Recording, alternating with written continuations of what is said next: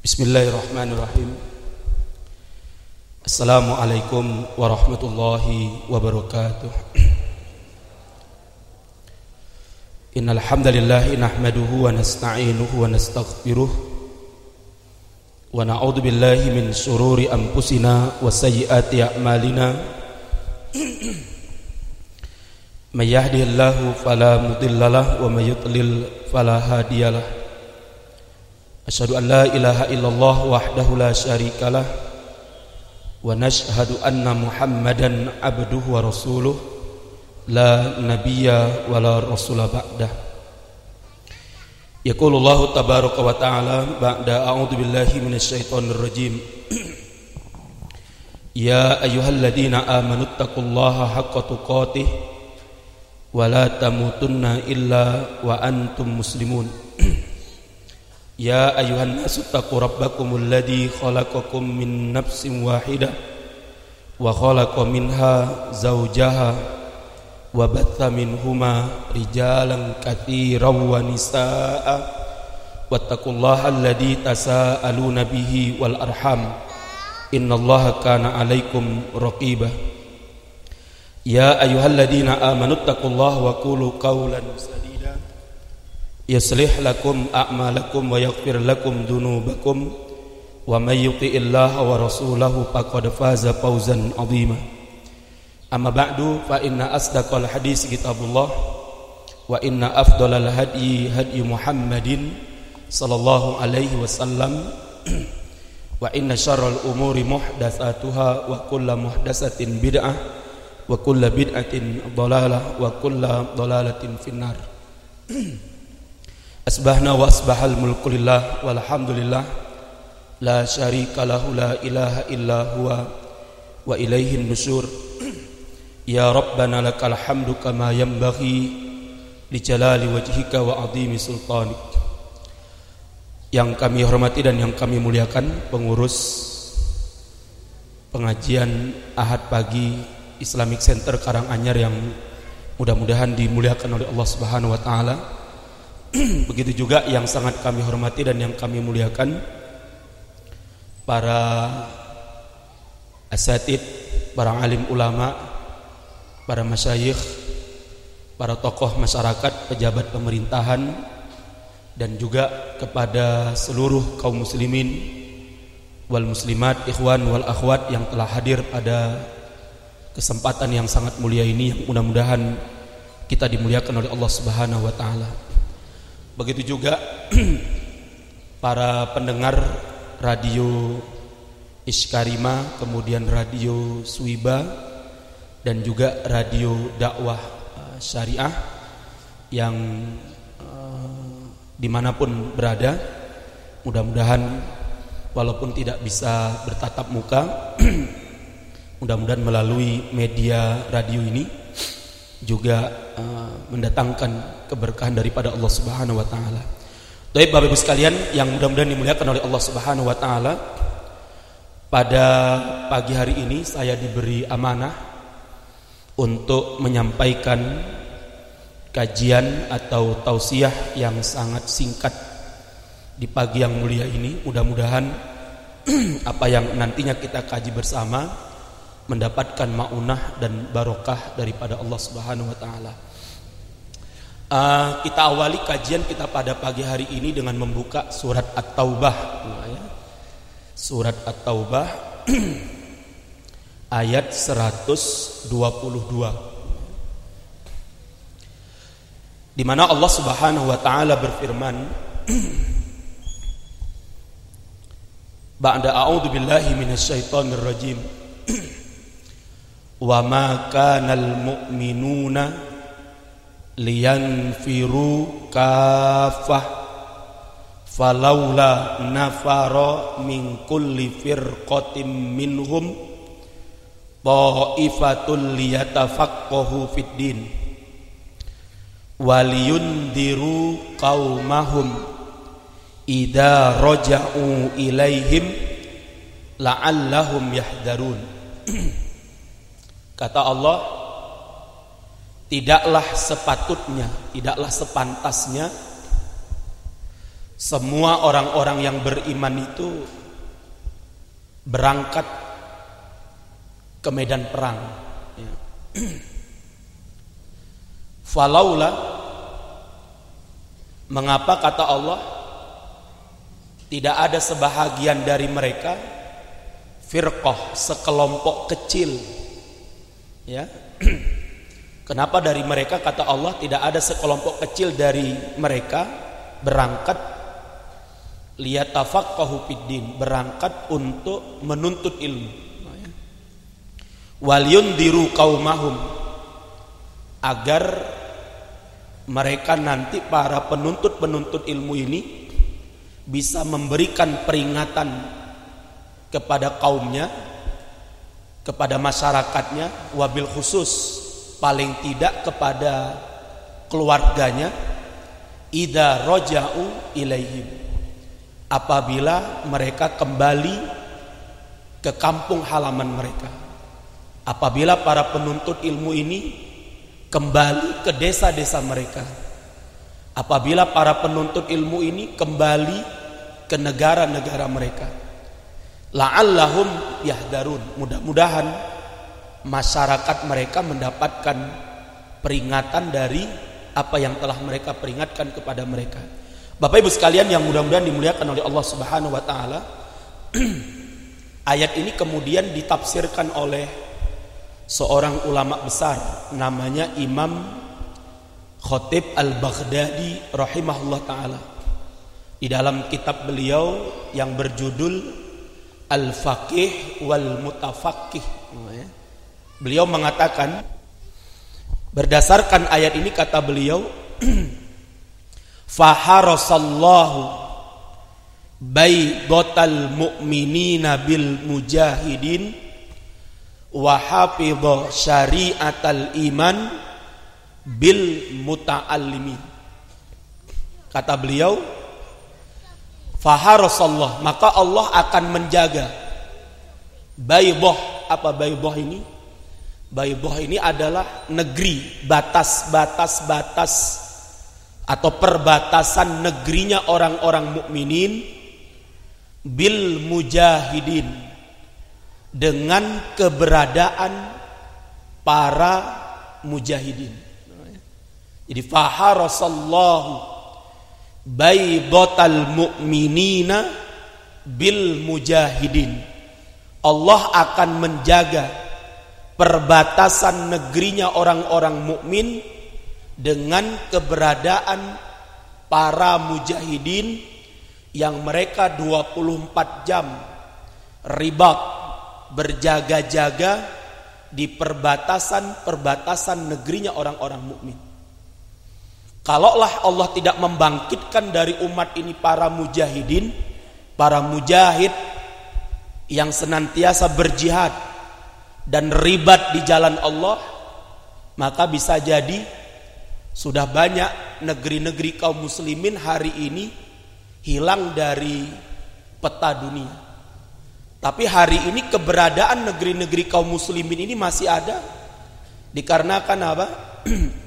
Salah satunya adalah Allah membangkitkan dari umat ini para mujahidin yang siap untuk menjaga batas-batas daripada negeri kaum muslimin. Maka kita lihat misalnya di Yaman, di Afghanistan, ya kita bisa bayangkan Afghanistan ini adalah sebuah negeri yang dikenal penakluk tiga tiga apa ya, tiga dinasti besar. Oh, ya. Jadi bangsa Afghanistan ini Walaupun kita lihat secara kasat mata sepele kan. Kalau kita lihat orang-orang Afghanistan itu kan apa namanya? badannya kurus-kurus ya.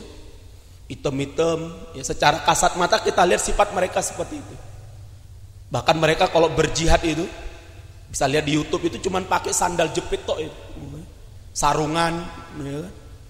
Tetapi dalam sejarah bangsa Afghanistan ini pernah menaklukkan tiga imperium besar. Ini penting. Imperium pertama yang pernah ditaklukkan oleh kaum muslimin Afghanistan itu adalah Imperium Inggris. Ini penting.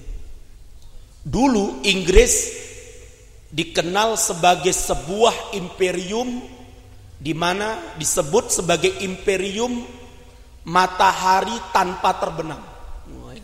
Jadi dulu Inggris dikenal sebagai sebuah imperium di mana di mana matahari tidak pernah terbenam. Artinya seluruh wilayah di masuk di Eropa kemudian termasuk di Asia ini Afghanistan ini itu dulu dikuasai oleh Inggris sampai Inggris dikenal sebagai sebuah imperium matahari tanpa terbenam karena sebuah semua wilayah dari barat sampai timur itu dikuasai oleh oleh Inggris.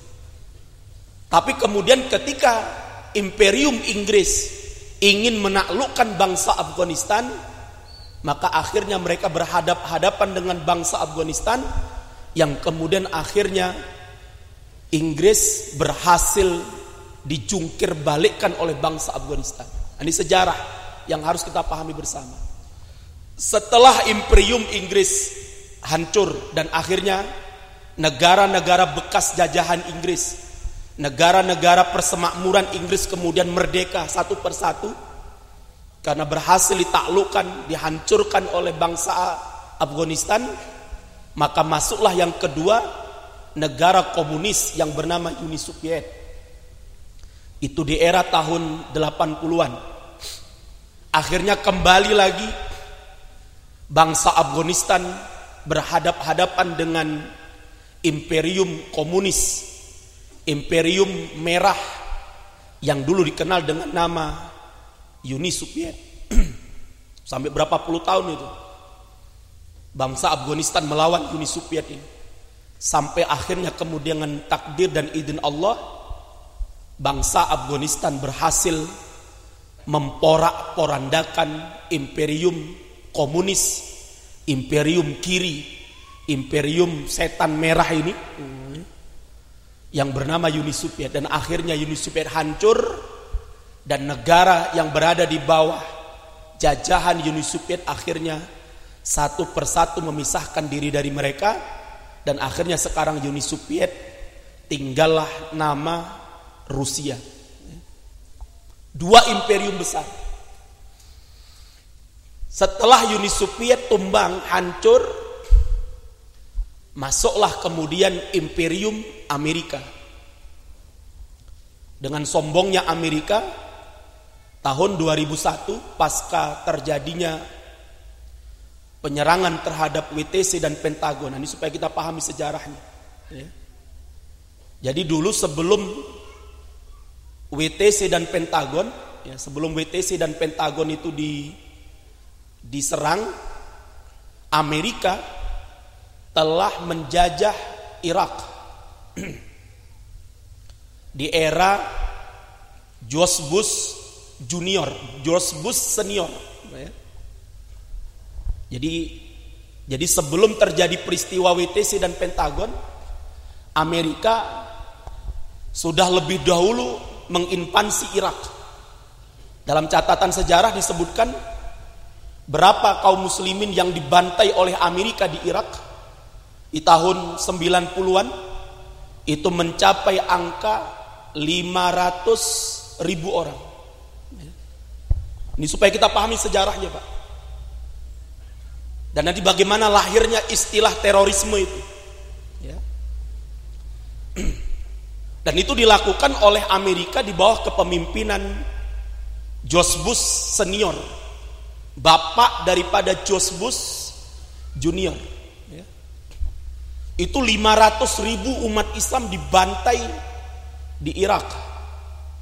Dengan berbagai macam cara. Dengan dijatuhkan senjata bom, rudal sampai Amerika mengirimkan bala bantuan. Jadi waktu itu ribuan ya, ribuan bahkan jutaan kaum muslimin mengungsi di tempat-tempat pengungsian. Maka Amerika kemudian mengirimkan bantuan berupa apa? Selimut yang ternyata selimut itu sudah disuntikkan virus penyakit oleh Amerika Serikat. Akhirnya ketika bangsa kaum muslimin di Irak menerima selimut yang didatangkan oleh Amerika di pengungsian-pengungsian ketika mereka pakai untuk tidur akhirnya bukan mereka kemudian sehat malah kemudian akhirnya mereka jatuh sakit semua. Kenapa? Karena Amerika telah mencelupkan telah menyuntikkan telah menaruhkan virus wabah penyakit di di atas selimut-selimut mereka. Begitulah kejinya bangsa Amerika ini di dalam bahkan sebelumnya kalau kita baca sejarah bagaimana kejinya bangsa Amerika membantai bangsa asli penduduk Amerika sebelum adanya Amerika. Namanya adalah suku India. Suku Indian. Suku Indian ini bangsa Indian ini adalah bangsa asli, penduduk asli, suku asli yang menduduki benua Amerika sebelum orang-orang Eropa datang ke benua Amerika. Yang dibawa oleh siapa itu? Columbus atau siapa namanya? Ya. Coba kita baca sejarahnya. Bagaimana Amerika kemudian menghancurkan, menghabisi, membinasakan penduduk asli Indian itu yang merupakan penduduk asli dari benua benua Amerika. Makanya Amerika ini kalau membunuh orang itu sudah biasa. Ya. Mencabut nyawa orang itu, membunuh orang itu, menyiksa orang itu bagi Amerika Sejarah mereka itu memang sejarah pembantaian. Sejarah Amerika itu memang sejarah pem, pem, pembinasaan, sejarah pembunuhan. Itulah sejarahnya Amerika. Lah maka bagi kalian yang mudah-mudahan dimuliakan oleh Allah, maka kemudian umat Islam karena selalu diperangi oleh Amerika ini 500 ribu umat Islam di, di Irak dibunuh secara biadab oleh Amerika maka kemudian ada usaha dari kaum muslimin, para mujahidin untuk kemudian membalas kebiadaban Amerika ini. Maka terjadilah kemudian peristiwa yang kemudian kita kenal dengan peristiwa serangan terhadap WTC dan Pentagon itu. World Trade Center dan Pentagon tahun 2001 yang hanya menewaskan sekitar 3000 orang. Pertanyaannya, kalau dibandingkan Amerika yang telah membantai umat Islam di Irak 500 ribu orang, dengan apa yang terjadi di Amerika 3000 orang, kira-kira mana yang lebih biadab? Mana yang lebih keji? Mana yang lebih teroris? Mana yang lebih jahat? Tapi apa yang terjadi? Amerika kemudian sangat marah dengan serangan balik yang waktu itu mereka tuduhkan kepada Al-Qaeda yang dipimpin oleh Syekh Usamah bin Laden rahimahullah taala yang kemudian akhirnya Amerika tahun 2001 mengumumkan kepada dunia ya bahwa mereka telah diperangi oleh teroris, maka waktu itu George Bush Junior mengumumkan kepada seluruh negara di dunia, with us or with terrorists. Bersama kami Amerika atau bersama teroris. Itulah awal mula sejarah munculnya istilah teroris yang akhirnya kemudian tercatat dalam sejarah 114 negara termasuk Indonesia bergabung bersama Amerika. 114 negara tahun 2001. 114 negara kemudian bergabung bersama Amerika di bawah PBB untuk satu perang yang kemudian mereka sebut dengan istilah WWOT ya. War on Terrorism, perang melawan teroris. Jadi siapa yang pertama kali dari mulut siapa pertama kali keluar istilah teroris itu? Dari mulut siapa? Dari mulut seorang manusia kafir sangat memusuhi Islam, sangat membenci Islam yang namanya adalah George Junior. Nah sekarang kita ikut-ikutan. Dikit-dikit teroris. Jenggotan. Katok cingkrang. Pada cingkrangnya mau 5 cm di atas mata kaki. Lah kok cingkrangnya setengah paha?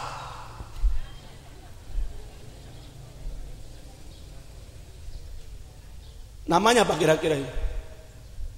Hah? Oh.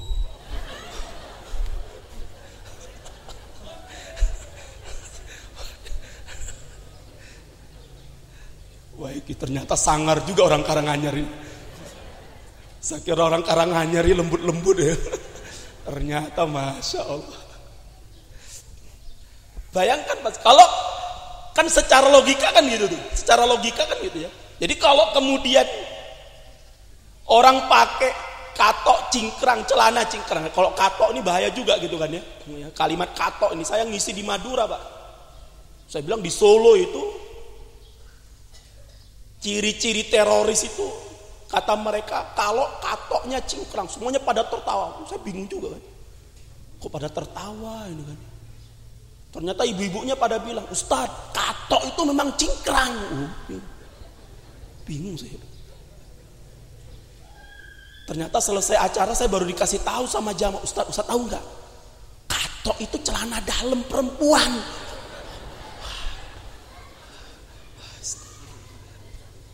Makanya ibu-ibu bilang Ustaz katok itu cingkrang gitu kan ya. Oh, saya baru tahu rupanya ya. Ternyata beda antara katok Solo dengan katok.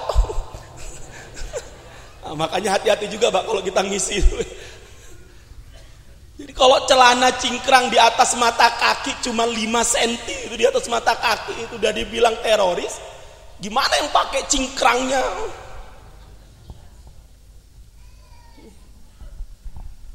Kalau kemudian yang pakai kerudung dowo itu dibilang penipu, berarti yang pakai jilbab dililit keneng leher kuwi, kuwi penipu gitu loh. Jilbab kok neng dilirik neng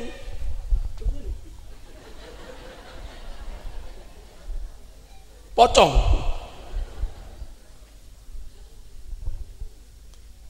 Sudah jelas ayatnya itu. Yudnina alaihinna min jalabi bihina. Kata Allah, ulurkan jilbab mereka sampai ke bawah. Bukan tekan leher di buntel-buntel. Jadi buat sekalian ini penting untuk kita pahami bersama. Jadi istilah teroris itu pertama kali keluar dari mulutnya orang-orang Amerika, mulutnya presiden Amerika yang bernama George Bush ini junior ya, yang kemudian 114 negara bersatu bersama Amerika di bawah payung PBB. Ya, PBB Pak yang melindungi waktu itu PBB. Dan akhirnya kemudian Amerika memberikan ultimatum kepada bangsa Afghanistan yang waktu itu dikenal di sana ada kelompok paksi jihad yang paling dikenal namanya adalah Taliban. Taliban ini artinya tol, tolib, tolib itu santri. Bayangkan.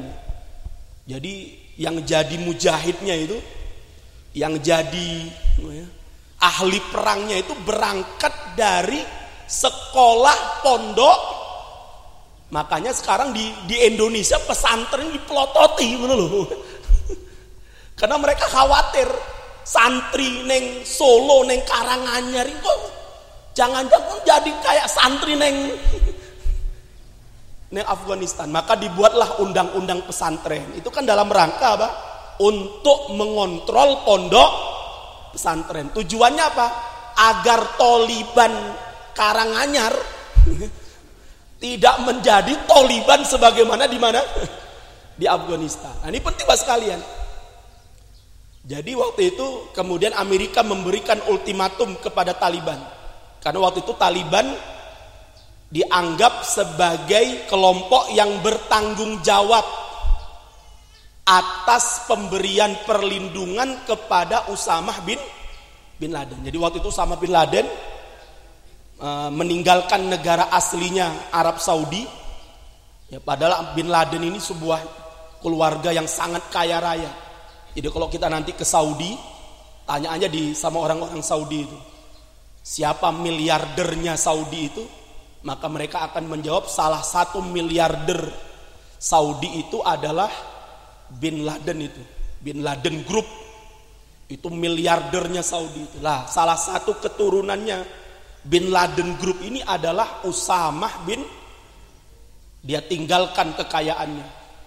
Dia tinggalkan ke kecukupan duniawinya, dia kemudian pindah hijrah masuk ke Afghanistan dan kemudian akhirnya dilindungi oleh sebuah paksi pejuang yang ada di Afghanistan yang bernama Taliban. Amerika beri ultimatum, serahkan Usamah bin Laden atau kami akan gempur ente sampai entek.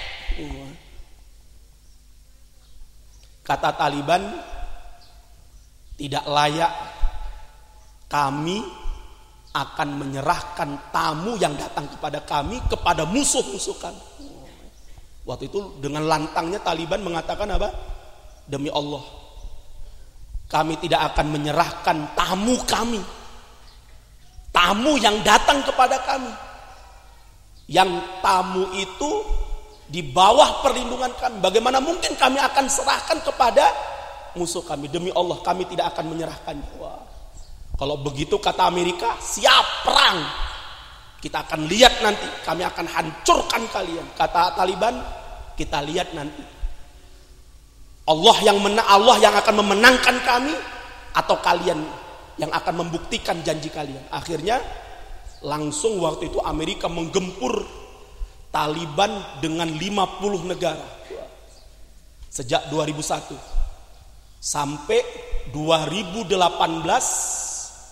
Amerika mengumumkan dana yang sudah mereka keluarkan untuk perang di Afghanistan itu mencapai 5 triliun US dollar Amerika Serikat. Coba yang bawa HP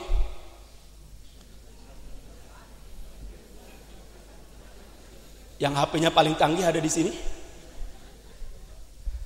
Coba dikeluarkan HP-nya, kalikan lim, sekarang satu satu satu dolar berapa? Taruhlah 14 ribu ya. Nah, berarti 5 triliun US dolar. Berarti 5 triliun kali 14 ribu. Ada? Berapa? Coba tulis. Berapa tuh kira-kira itu duitnya? Ada yang punya duitnya di sini? Oh jadi besar pak. Jadi Amerika itu ketika perang di Afghanistan itu bukan makanya Allah katakan intakunu ta'lamuna fa innahum ya'lamuna kama ta'lamun kata Allah. Kalau kalian bersakit-sakitan kata Allah, kalau kalian merasa sakit, kalian merasa pedih, kalian merasa capek, kalian merasa merasa berat di dalam mendakwahkan Islam ini, di dalam memperjuangkan Islam ini, di dalam membela Islam ini, ketahuilah kata Allah, fa innahum ya'lamuna kama ta'lamun. Sesungguhnya orang-orang kafir itu mereka juga merasakan sakit, mereka juga merasakan pedih, mereka juga merasakan gelisah sebagaimana yang kalian rasakan. Tetapi apa kata Allah? Bedanya kalian dengan mereka apa? Watarjuna minallahi malayarjun. Kalian ada yang kalian harapkan di sisi Allah. Capeknya kalian, lelahnya kalian, susahnya kalian, menderitanya kalian. Insya Allah akan dibalas oleh Allah dengan kebaikan-kebaikan yang banyak. Setiap langkah kakak kalian untuk membela agama Allah, Setiap langkah kaki kalian untuk mendakwahkan agama Allah. Setiap langkah kaki kalian untuk membela Islam. Setiap tetes keringat kalian untuk membela agama Allah. Pasti akan Allah balas dengan kebaikan. Takbir. Ikhwan. Berbeda dengan orang-orang kafir kata Allah. Apa yang mereka harapkan? Gak ada pak. Mereka berangkat ke Amerika, ke Afghanistan. Tentara-tentara Amerika ini, tentara Jerman, Perancis, Inggris, semuanya berangkat ke Afghanistan. Apa yang mereka harapkan? Nanti kalau pulang naik pang, pangkat. Ntar kalau pulang gajinya naik, jabatannya dinaikkan. Ternyata belum tekan pulang mati. Di Afghanistan kena rancau, belum mati. Terus apa yang mereka harapkan? Gak ada. Wasaat kata Allah apa? Maka neraka jahanam itu sebagai tempat kembali mereka. Wasaat masiro. Bahwa fama wahum jahannam. Maka tempat kembali mereka adalah neraka jahanam. Wasaat masiro dan neraka jahanam itu adalah seburuk-buruk tempat kembali. Makanya Bapak Ibu sekalian ini yang harus kita kuatkan, Pak. Harus kita kuatkan himmah kita. Harus kita kuatkan militansi kita. Harus kita kuatkan niat kita. Kenapa? Insya Allah, Pak, setiap langkah kaki kita, setiap tetes air mata, setiap tetes keringat yang antum keluarkan untuk membela agama Allah ini, insya Allah nanti akan kita lihat balasannya di yaumul kiamat. Allah akan balas dengan kebaikan-kebaikan yang banyak. Berbeda dengan orang-orang kafir dan munafik itu, apalagi munafik. Sudah Allah katakan apa terhadap orang-orang munafik ini? Coba kita lihat ini. Penting ini. Semoga Allah menjaga kita. Ini ini balasan oleh Allah terhadap orang-orang munafik. Kita bicara nih. Sampai jam berapa nih? Setengah tujuh ya? Oke lah. Buka surat Al-Hadid. Ya, buka surat Al-Hadid. Surat yang ke-57 ya. Surah Al-Hadid ayat yang ke-57.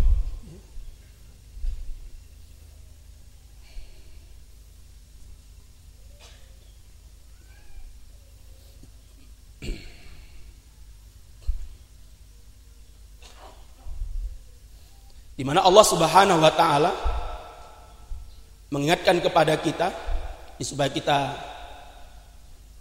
berhati-hati kita berlindung kepada Allah dari sifat kemunafikan. Ngeri, Pak. Nasallahu afiyah. Kita buka surah Al-Hadid ayat yang ke-12 ayat yang ke-13 ayat yang ke-14 ayat yang ke-15 Sampai nanti Allah ingatkan di penutupnya di ayat yang ke-16. Apa kata Allah? Kata Allah, "Yauma yauma taral mu'minina wal mu'minat yas'a nuruhum baina aidihim wa bi aimanihim." Busra kumul yauma.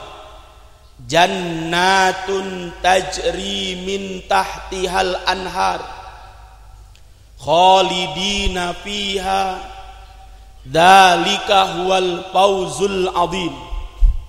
Kata Allah kalian akan melihat nanti di hari kiamat Orang-orang mukmin laki-laki dan mukminat perempuan cahaya-cahaya mereka akan meliputi mereka di depan mereka dan di samping kanan mereka.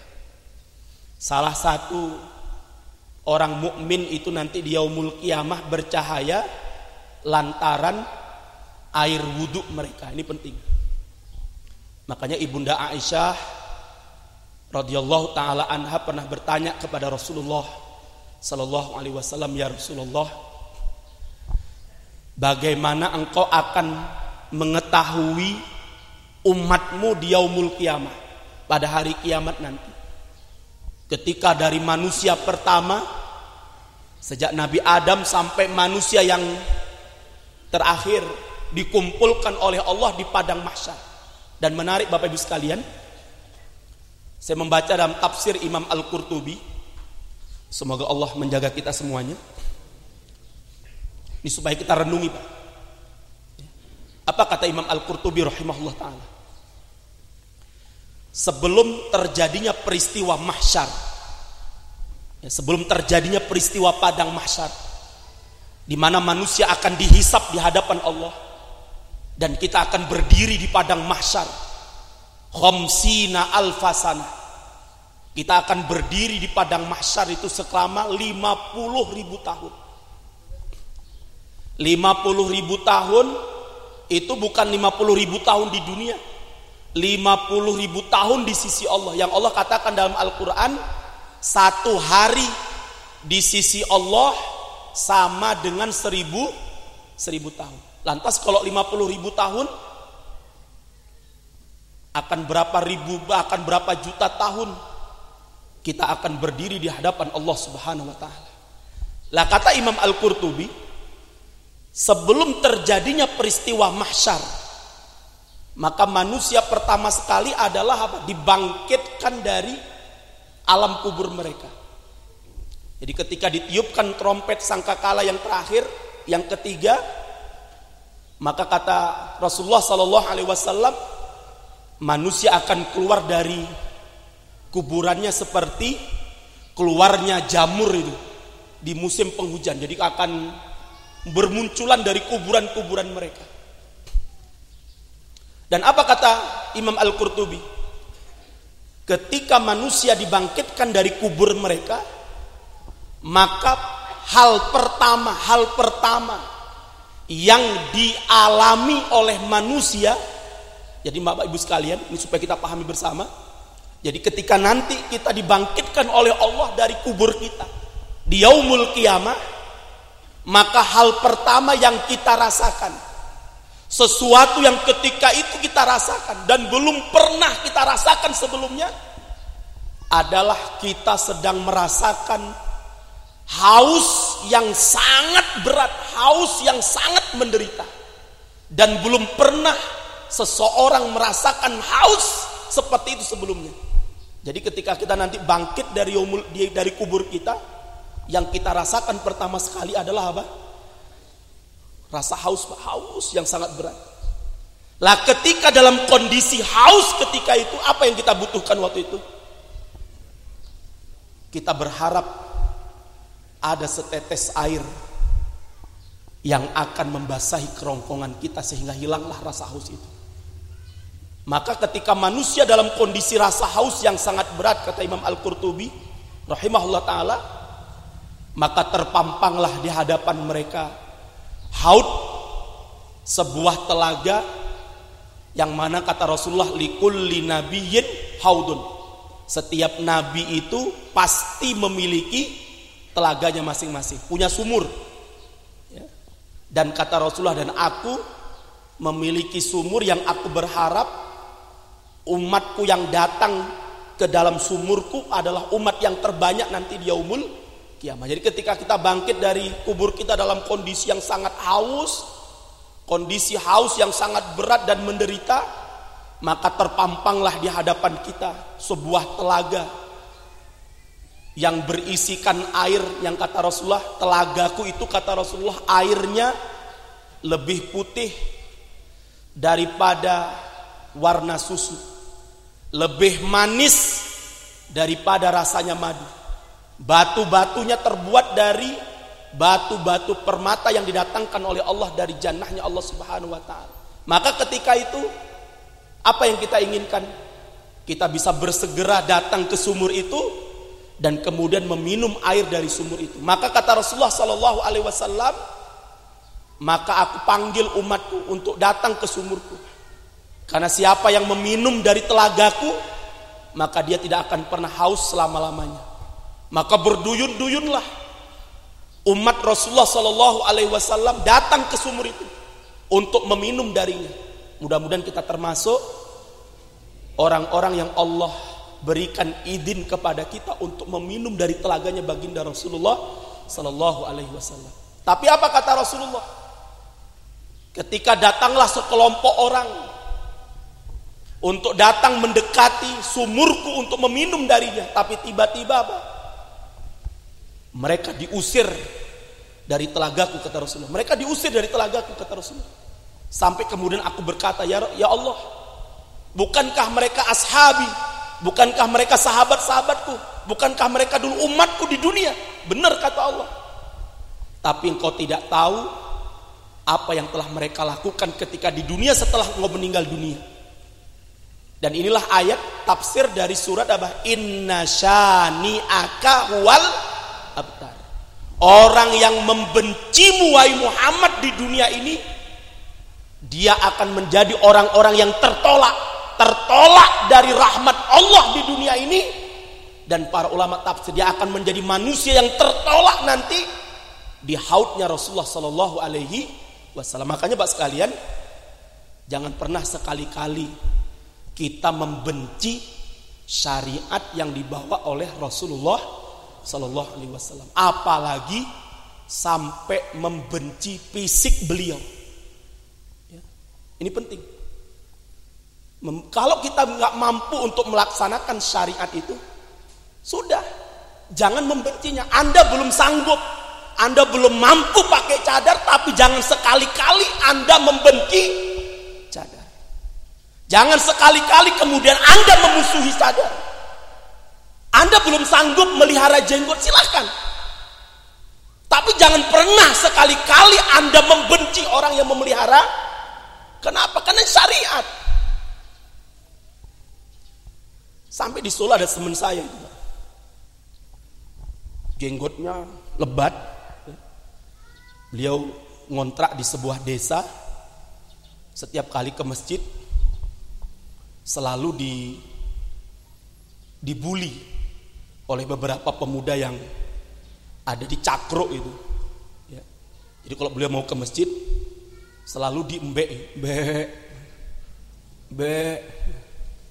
Teman saya lihat kiri kanan kok orang-orang kam, orang-orang wedus. Nah, ini paling yo ngeci aku hari pertama dibiarkan hari kedua ternyata masih juga.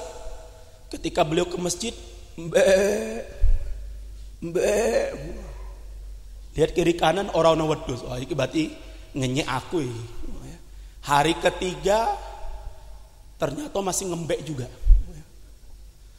Akhirnya teman saya turun dari sepedanya kemudian parani cakruk wah sing nang cakruk siap-siap lagi. Mbeke ngamuk ya sampai di cakruk teman saya langsung tanya eh mas apa? Kan biasa kan preman kampung ya kan. Kayak ngerti orang ngerti apa? Binatang sing ora duwe jenggot binatang apa? Langsung mereka serempak mengatakan asu.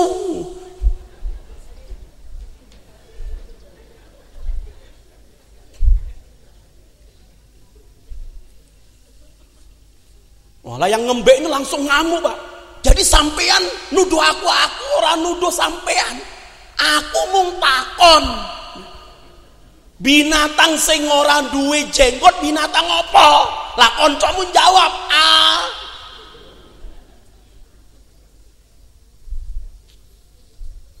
Langsung ditinggal sama teman saya. Alhamdulillah kata teman saya, Alhamdulillah Ustaz besoknya mereka udah nggak ngembek lagi.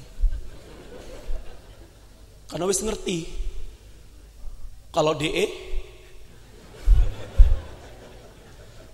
Aku ora ora anu lho ngenyek lho ya. Aku ora nuduh lho, mung mung mung jelaske ngono lho, Pak. Jadi kalau ada yang kalau ada di antara jenengan diejek wedus mbek karena jenggot parani, kowe ngerti ora? Binatang sing ora duwe. Ngono. Eh serampung. Orang saya pakai. Karena kalau jenengan pakai dugem, jenengan bisa kena delik ditangkap. Tapi kalau mung takon, tanya. Nah ini penting banget sekalian. Jadi memang hari ini kita menjalankan syariat. Kalau kita nggak memang nggak nggak siap atau belum mampu untuk melihara jenggot, kita belum mampu untuk kemudian pakai jilbab besar, kita belum mampu untuk kemudian melaksanakan syariat-syariat Allah, ya sudah. Jangan pernah kita membenci apa? Syariat. Apalagi kalau sampai membenci Rasulullah Shallallahu Alaihi Wasallam. Dulu ada pak seorang Yahudi senangnya membenci Rasulullah. Setiap harinya mencaci Rasulullah, menghina Rasulullah, melecehkan Rasul. Tiba-tiba mati. Ketika mati dikuburkan oleh si warga Yahudi. Ketika dikuburkan mau pulang warganya tiba-tiba mayatnya terlempar keluar Akhirnya apa? Warga kemudian gali lagi kuburannya, pendem lagi. Mau pulang tiba-tiba apa? Mayatnya terlempar lagi ke atas.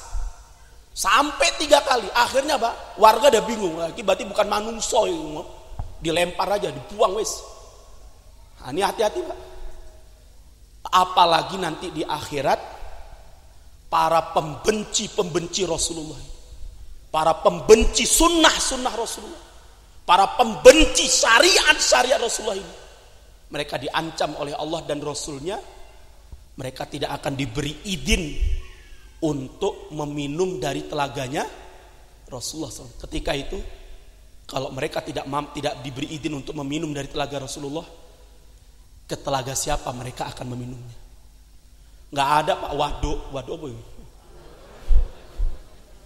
Oh, aku kan wong Karanganyar. Kok ketok ono waduk lalung ora ono. Waduk lalung ning ning dunya. Dan ketika itu apa yang bisa menghilangkan kita dari rasa enggak ada, Pak. Padahal kata kata Imam Al-Qurtubi setelah peristiwa Haud manusia akan digiring menuju padang mahsyar mereka akan berdiri di hadapan Allah selama 50 ribu tahun dengan matahari didekatkan di atas kepala mereka satu hasta. Nas'alullah afiyah. Sekarang aja ketika matahari itu berada berjuta-juta ribu kilometer di atas kepala kita, kita masih merasakan bagaimana panasnya. Lantas bagaimana kalau kemudian matahari itu didekatkan satu hasta di atas kepala kita? Maka kata Rasulullah Sallallahu Alaihi Wasallam, ikra'u az-zahrawaini kata Rasulullah. Sering-seringlah kata Rasulullah membaca surat di dalam Al-Qur'an yang disebut yang diistilahkan yang digelari oleh Rasulullah dengan surat apa? Az-Zahrawaini. Az-Zahrawaini. Ya. Apa surat Az-Zahrawaini ini? Surat Al-Baqarah dan surat Ali Imran. Nah, ya. Jadi kalau kulhu eh kul a'udzu birabbin nas dan kul kul a'udzu birabbil falak itu disebut dengan muawwidataini kan itu kan ya atau surat al muawwidataini maka dalam Al-Quran ada surat namanya apa? Zah Az-Zahrawaini. Surat Az-Zahrawaini. Ikra'u Zahrawaini kata Rasulullah. Baca seringlah seringlah kalian membaca Zahrawaini. Surat apa itu? Surat Al-Baqarah dan surat Ali Imran. Kenapa kata Rasulullah? Fa innahuma ya'tiyani yaumal qiyamah. Karena dua surat ini kata Rasulullah akan datang nanti pada hari kiamat dalam bentuk dua gumpalan awan yang sangat tebal atau dalam bentuk dua gumpalan burung-burung dua dua rombongan burung yang sangat banyak yang akan memberikan apa perlindungan dari terik panasnya sinar dan terik matahari ketika itu kepada pemiliknya, kepada pemiliknya. Ora iso, aku tak mil ora iso. khusus untuk yang membaca. Pingin boten Bu? Pingin boten bu? Bapak-bapak pingin boten pak? Nggak ada jual payung neng kono pak. Kalau jenengan umroh, jenengan haji, kepanasan, ada yang jual di akhirat beli payung di mana? Gak ada. Makanya sering-seringlah kita membaca surat Al-Baqarah dan surat Al-Imran. Bagaimana caranya Ustaz? Caranya adalah khotamkan Al-Quran itu setiap bulan satu kali. Berarti setiap bulannya insya Allah kita pasti membaca surat Al-Baqarah dan surat Ali Imran. Makanya Rasulullah ketika ditanya oleh seorang sahabat, "Ya Rasulullah, berapa lama saya menghatamkan Al-Qur'an ya Rasulullah?" Kata Rasulullah, "Akhtimhu syahrat." Khatamkan Al-Qur'an itu satu bu, satu bulan. Sahabat ini mengatakan kelamaan ya Rasulullah. Kalau gitu khatamkan 20 hari. Kelamaan ya Rasulullah. Boleh nggak kurang dari itu? Khotamkan 10 hari. Oh, kelamaan ya Rasulullah. Sudah khotamkan 6 hari kata Rasulullah. Kelamaan ya Rasulullah. Sudah kalau begitu khatamkan Al-Quran tiga hari sekali. Nggak boleh kurang dari dari itu kecuali di bulan Roma Ramadan. Sehingga kata Imam Ibnu Hajar ketika menafsirkan mensyarah hadis ini beliau mengatakan orang yang paling males semales-malesnya orang membaca Al-Quran dia menghatamkan Al-Quran sebulan sekali. Itu semales-malesnya seorang mukmin. Semales-malesnya orang Islam membaca Al-Quran dia menghatamkan Al-Quran berapa bulan sekali? Satu bulan sekali. Dan serajin-rajinnya kata Imam Ibnu Hajar serajin-rajinnya orang yang membaca Al-Quran adalah mereka yang menghatamkan Al-Quran tiga hari sekali. Lah kalau setahun sekali, namanya apa? Hah? Super malas. Nasallahu. Ah, maka bapak sekalian, mari pak, kita jangan sekali-kali meremehkan kiroatul Quran ini penting karena hari ini kita selalu terkalahkan dengan PHP gitu ya.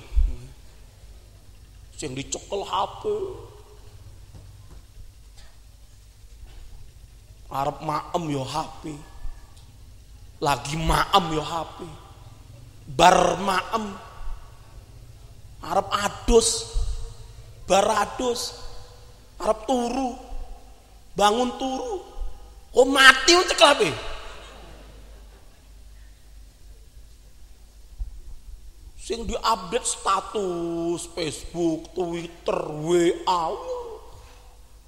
Grup WA ditinggal sak jam ribuan loh ini kerjanya apa? Al-Qur'an kurang terupdate. Kita jarang membaca Al-Quran. Di rumah banyak Al-Quran, tapi ditaruh di rumah-rumah kita penuh dengan musik-musik sampai Rasulullah mengatakan apa? La taj'alu buyutakum makobir. Jangan kalian jadikan rumah-rumah kalian itu ibarat kubu kuburan. Jadi kalau rumahnya ibarat kuburan berarti penghuninya mayat gentayangan. Yang mati sebelum mati. Sudah mati sebelum mati. Sudah menjadi mayat sebelum dia menjadi mayat yang sesungguhnya. Rumah siapa itu kata Rasulullah nanti bisa baca dalam dalam kitabnya Imam Ibnu Hajar itu. Fathul Bari. Beliau mengatakan rumah satu. Rumah yang tidak didirikan di dalamnya so solat Makanya Rasulullah mengatakan afdolu solawatikum solawatukum fi buyutikum illal mafrudoh. Seutama-utama solat kalian adalah solat-solat kalian di rumah-rumah kalian kecuali solat fardu. Artinya bapak sekalian, Sholat sunnah itu afdolnya di mana? Di rumah. Tapi sayangnya dari masjid pulang ke rumah Arab sholat, rasido sholat kena wis utune wis ambah. Akhirnya boten sio so, boten Bu? Unggih. Kita pingin pak. Pulang dari rumah itu kan pulang dari masjid wah aku tak mulai neng omah on sholat sunnah ya abdole neng. Neng omah. Bar tekan omah putune wes ora sido so. Nah, kalau gitu gimana? Ya sudah sholatnya neng. Nah, daripada neng omah nggak jadi. Nah, makanya sholat sunnah itu afdolnya di mana? Di rumah. Kecuali kata Rasulullah sholat fardu kecuali sholat wajib wabil khusus para bapak bapak bagi para ikhwan ikhwan masya Allah pak saya membaca beberapa kitabnya para ulama itu tentang sholat jamaah itu. Banyak yang menulis kalimat begini pak. Man aroda husnal khotimah fal yalzam sholatal jamaah jadi barang siapa yang menginginkan akhir kematiannya dengan husnul khotimah maka lazimilah sholat berja berjamaah. Ini penting. Maka bapak ibu sekalian jamaah sholat jamaah ahad pengajian ahad pagi pada hari ini mari pak kita azamkan dalam diri kita.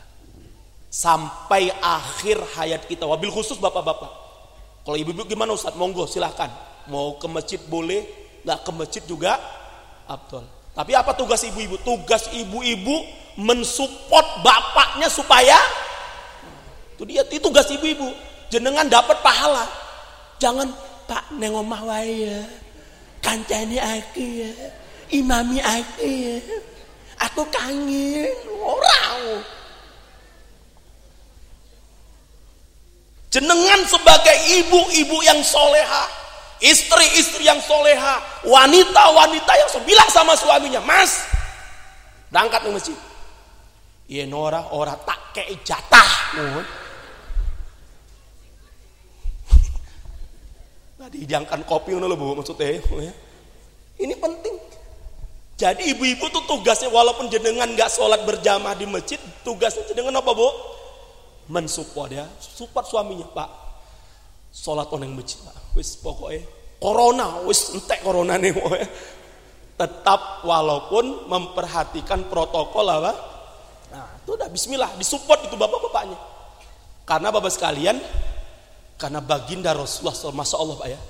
Rasulullah, Rasulullah, Sallallahu Alaihi Wasallam manusia yang sudah Allah ampuni dosa-dosa beliau yang telah lalu dan dosa-dosa beliau yang, yang akan datang. Allah sudah jamin Rasulullah pasti masuk jannah. Itu sampai akhir sampai akhir hayat beliau. Beliau sholat berjamaah di mas nggak ada pak. Kalau sudah sampai tingkat makrifat orang sah sholat, oh setan. Oh saya tuh pernah ditawari pak. Jadi di Sumatera itu kan, karena saya dari Aceh, di Sumatera itu ada namanya daerah apa namanya Tanjung Pura. Tanjung Pura itu ada pondok pesantren namanya pondok pesantren Darussalam itu kalau salah.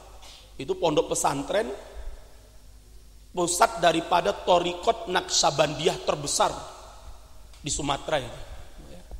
Namanya Babus Salam pondok pesantrennya. Dari kecil Pak saya sudah biasa itu. Sama bapak ibu saya tuh ke Babus Salam. Sampai akhirnya saya besar tahun 2000 sebelum saya ke Solo saya didatangi oleh jamaah dari Torikot ini nawarkan Ustadz Ustadz mau nggak jadi khalifah hmm, khalifah khalifah apa khalifah Torikot Terus gimana caranya? Oh, caranya gampang Ustaz. Jenengan masuk selambu. Tahu selambu Pak ya? Selambu yang untuk tidur itu loh. Oh, ya. Pokoknya jenengan masuk sana, suluk. nggak boleh keluar selama 40 hari 40 malam kecuali untuk buang air atau wudhu atau mandi. Oh, dengan dalam dalam dalam selamut gitu. Dan tidak boleh makan kecuali yang putih-putih. Oh, ya. Tahu. Nasi kapur ya, kapur putih. Ya. Terus setelah itu gimana? Ah, nanti setelah itu Ustadz, Ustadz nanti langsung makomnya jadi khalifah torikot. Itu sudah bisa nanti sampai tingkat makrifat. Kalau sudah makrifat, syariat nggak berlaku. Uh, Makanya Pak kadang-kadang kan kita sering dengar itu kan. Ada orang kiai, ngakunya kiai, kalau ditanya Pak Kiai, boten sholat Jumat. Wah, Kulo sholat Jumat ning Mekah. Tapi kok iso mulene podo? Padahal kita sholat Jumat neng Indonesia, orang Mekah baru bangun tidur. Tapi ketika kiainya pakai boten sholat, wow, kulo sholat Jumat neng Mekah, numpak nopo sepur, sepur nopo sajadah terbang. Padahal itu aslinya nggak sholat Jumat, Pak. Tapi supaya masyarakatnya nggak curiga, ngomongnya apa? Sholat Jumat neng Mekah, sholat asar neng Madinah, sholat maghrib neng Al Aqsa, Klaten. Oh, Hal ini kan ngapusi lah maka bas kalian nggak ada. Orang mau sudah sampai marifat nggak ada, Pak. Manusia yang paling tinggi makrifatnya kecuali siapa? Baginda Rasulullah Shallallahu Alaihi Wasallam. Tapi prakteknya sampai akhir hayatnya Rasulullah dalam kondisi yang sudah sakit sangat parah, sahabat Abu Bakar sudah berdiri di soft di di depan untuk menjadi pengganti imamnya Rasulullah. Sudah berdiri di tempat pengimamannya Rasulullah tiba-tiba Rasulullah kemudian keluar dari rumah beliau sambil merangkak. Dan waktu sahabat Abu Bakar ingin mundur kata Rasulullah tetaplah engkau ya Abu Bakar di tempatmu.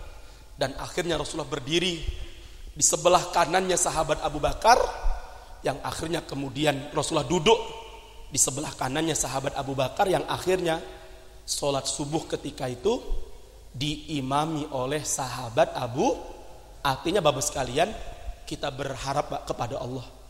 Kita minta sama Allah, ya Allah, sampai akhir hayatku jadikan aku orang-orang yang bisa istiqomah dengan sholat berjamaah berjamaah amin ya robbal alamin Tapi bapak sekalian kita kembali ke sini jadi kata Allah jadi tadi ya wudhu ini Ah, ke ibu-ibu ibunda Rasulullah kemudian bertanya, ibunda Rasulullah menjawab ke pertanyaan ibunda Aisyah, "Wahai Aisyah, aku akan mengetahui umatku nanti di yaumul kiamah dari cahaya yang keluar dari anggota wudhu mereka.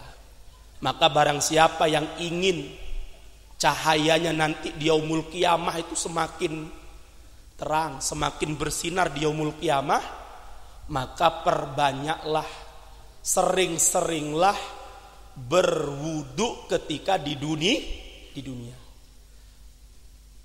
Berat atau bengak, Bu? Bu, berwudu itu membiasakan diri kita berwudu abot boten. Boten nggih? Ya. Teorinya memang nggak berat, Pak. Teorinya nggak berat. Oh, wudhu tol. Tapi prakteknya berat atau betul? Berat pak.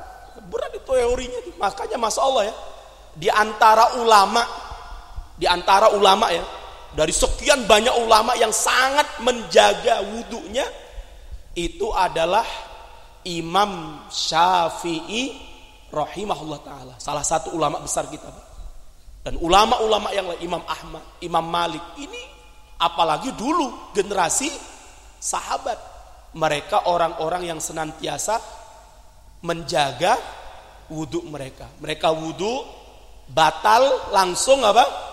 Berwudhu kembali. Batal langsung berwudhu kembali. Tidak hanya sekedar berwudhu, mereka membiasakan sholat sunnah dua rakaat setiap kali mereka ber makanya sahabat Bilal itu kan sebelum wafatnya bayangkan. Sahabat Bilal itu masih menjadi penduduk dunia. Ditanya oleh baginda Rasulullah Sallallahu Alaihi Wasallam eh Bilal amalan apa yang kau kerjakan? Kok aku sudah mendengar apa?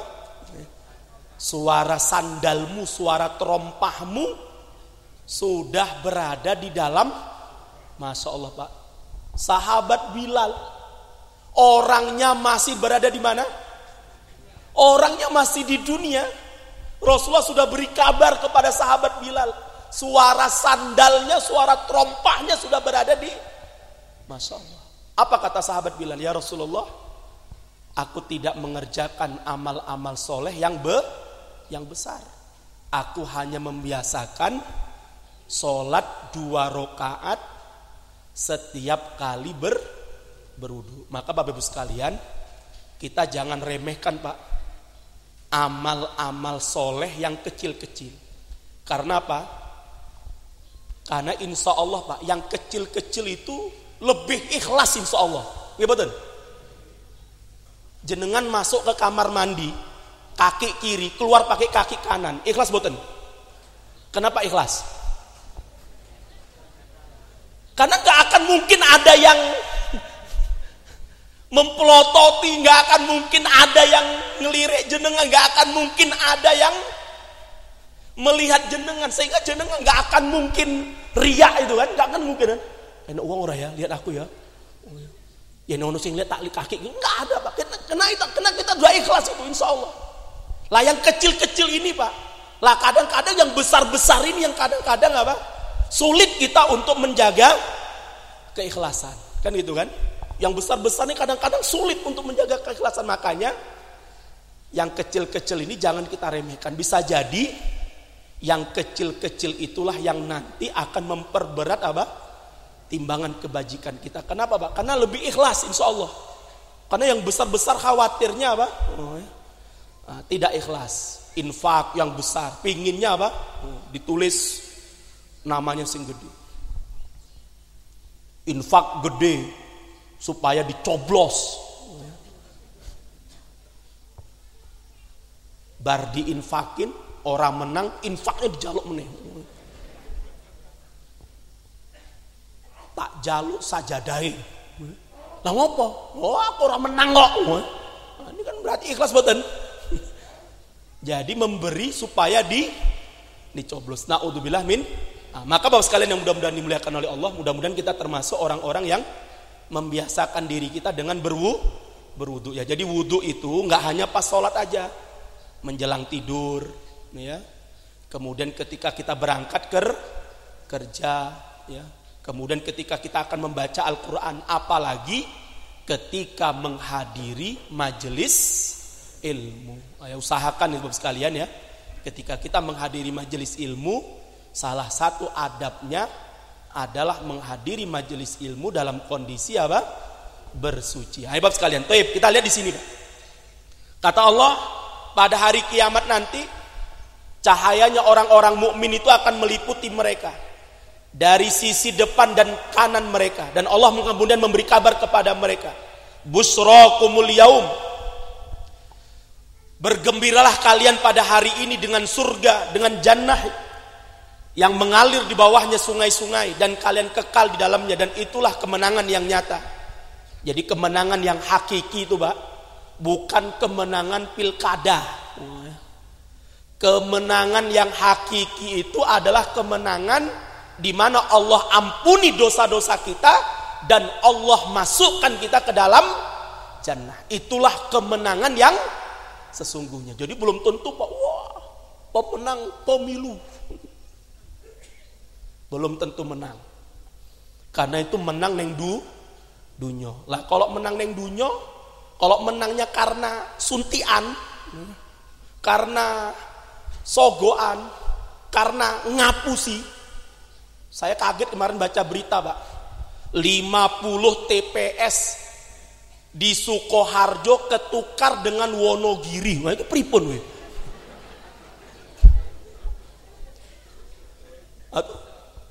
Pripun, Mbak? Saya baca di media loh. Kok kok iso loh?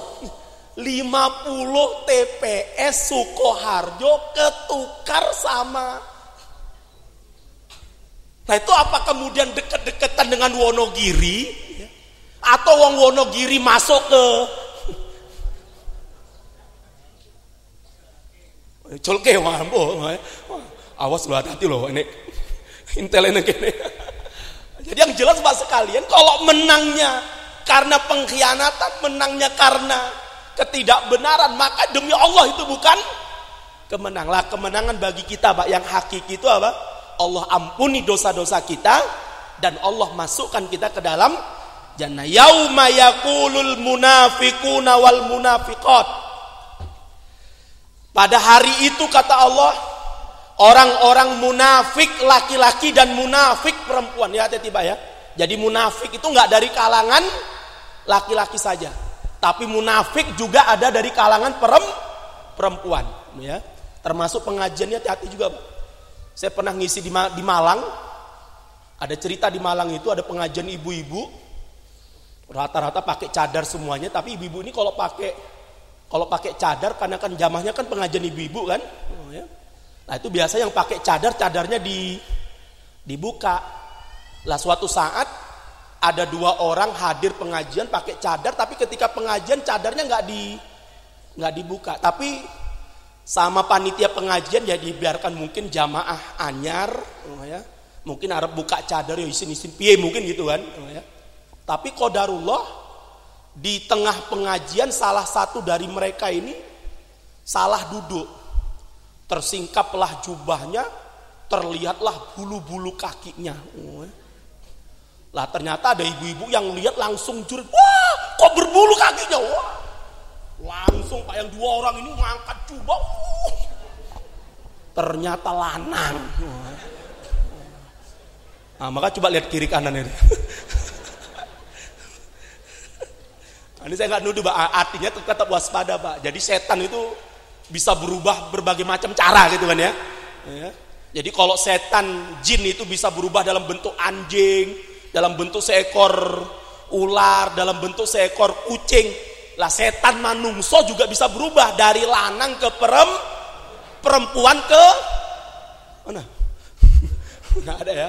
Nah, ini penting banget sekali. Lah oleh sebab itu, maka Allah katakan, pada hari itu orang-orang munafik laki-laki dan munafik perempuan menyeru, berseru, berkata kepada orang-orang yang beriman. Apa yang mereka katakan? Unduruna, unduruna. Hei orang-orang yang beriman. Tunggu kami, tunggu kami, lihatlah kami. Nak ketabis min nurikum. Kami minta cahaya kalian sedikit saja jadi orang-orang munafik nanti Pak, yang laki-laki maupun yang perempuan akan berkata kepada orang-orang yang beriman. Kenapa Pak? Karena orang-orang munafik Allah tidak akan berikan cahaya kepada mereka. Allah hilangkan cahaya dari mereka. Sehingga yang bercahaya ketika itu hanya khusus orang-orang yang beriman. Maka orang-orang munafik ini Pak, ngejar, ngejar orang-orang beriman. Eh orang beriman, naktabis min nurikum, kami minta sedikit saja dari cahaya kalian karena kami dalam kondisi gelap. Kami kegelapan, kami nggak bisa lihat. Maka apa dikatakan kepada mereka? Kilarji'u wara'akum faltamisu nuran faduri babainahum bisurin lahu babun batinuhu pihir rahmah wa dhahiruhu min kibalihil adab. Maka orang-orang beriman akan berkata kepada orang-orang munafik, "Pergi sana kamu, cari cahaya yang dewe." Akhirnya Allah akan berikan penghalang sater, pagar antara orang beriman dengan orang-orang munafik. Pagar yang berada di orang-orang beriman itu penuh dengan rahmat Allah, sedangkan pagar yang berhadapan dengan orang-orang munafik penuh dengan adab sehingga Orang-orang munafik ini berada dalam kegelapan, Pak, gelap gulita. Padahal mereka akan digiring menuju sirot untuk menyeberangi sirot. Sedangkan mereka tidak memiliki cahaya. Padahal sirot itu dalam sebuah riwayat disebutkan tajamnya lebih tajam dari pedang dan kecilnya seperti rambut yang dibelah tujuh. Orang-orang munafik, Pak, dia nggak punya alat cahaya untuk nyebrang itu. Maka apa kata mereka kepada orang beriman? Yunadunahum. Akhirnya orang munafik yang dalam kondisi kegelapan nih Pak. Berkata memanggil orang-orang yang beriman. Alam nakum ma'ahum. Alam nakum ma'akum. Hei orang-orang yang beriman. Bukannya dulu kita sama-sama neng dunyo. Kita sama-sama pengajian. Neng Islamic Center, neng Karanganyar. Podo-podo duduk eneng majelis. Kenapa kamu gak ngasih aku sedikit cahaya pada dulu dulu dulunya kita sama-sama di dunia sama-sama pengajian, sama-sama sholat yang masjid, sama-sama bersama-sama dengan orang beriman. Apa kata orang beriman? Nah, bala, bener. Dulu kita sama-sama pengajian, sama-sama sholat neng mes, walakin nakum patantum anpusakum watarobastum wartabtum wa kumul amaniyu. Iya. Dulu podo-podo hadir nih pengajian Ahad pagi. Tapi niatmu bedo. Kalau aku niatnya tenanan. Arab pengajian. Kue ngopo? Golek-golek kesalahan kan? Kue nginteli ustate kan? Kue duduk paling arep nggowo rekaman dewe kan? Wa kumul amaniyu. Kamu tertipu dengan iming-iming dunia. Kenapa? Bar pengajian ahad pagi, laporan ento. Kue tertipu mas. Saiki rasa no. Oh no?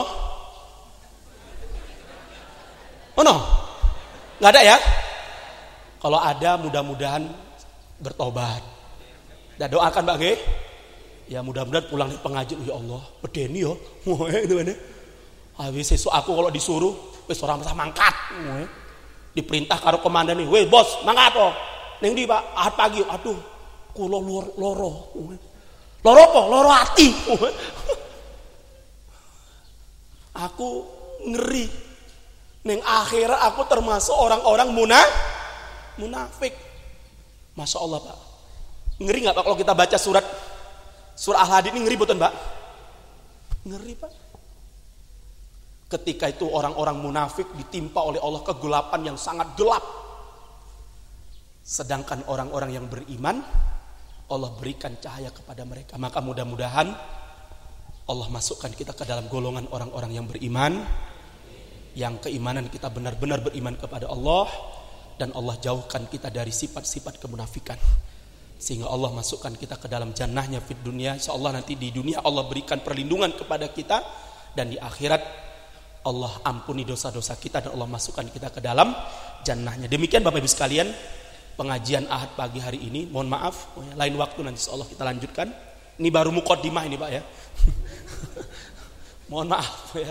Ini baru mukodimah karena temanya ini masih banyak nih Pak ya Ah, ini temanya di sini nih, temanya nih ya. Ah, ini masih ada 11, kemudian tema lagi di sini nih. Ah, ini lebih panjang lagi temanya, ada 23 nanti akan kita ah, pelajari insyaallah di lain waktu. Mudah-mudahan bermanfaat. Dan mari sebelum kita tutup, kita doakan asatidah kita yang telah mendahului kita. Ya. Kita doakan para ulama-ulama kita yang mereka telah mendahulu kita insya Allah dalam kondisi husnul khotimah Mudah-mudahan kita termasuk orang-orang yang juga nanti direzekikan oleh Allah dengan husnul khotimah insya Allah. Astagfirullah. Bibarakatil Fatihah. A'udzu billahi minasyaitonir rajim. Bismillahirrahmanirrahim. Alhamdulillahirabbil alamin. Arrahmanir rahim maliki yaumiddin.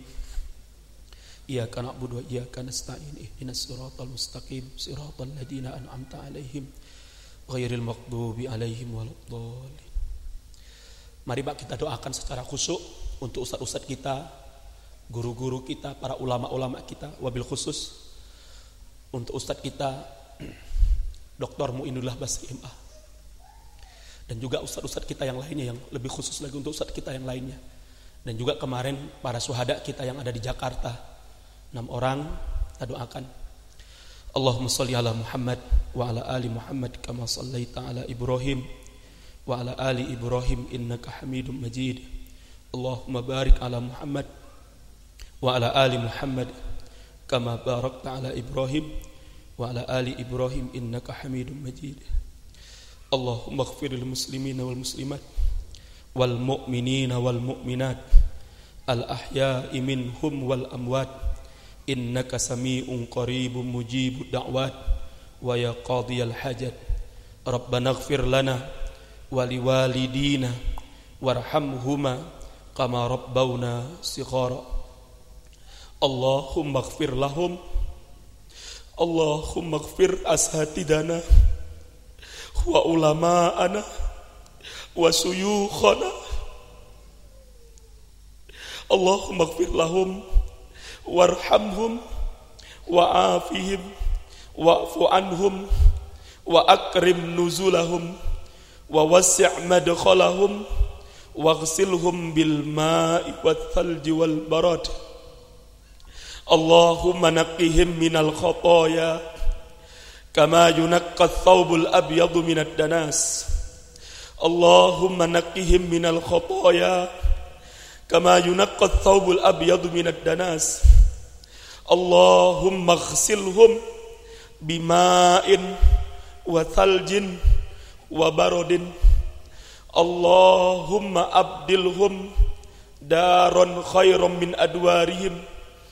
اللهم أبدلهم دارا خيرا من ديارهم وأهلا خيرا من أهليهم وزوجا خيرا من أزواجهم.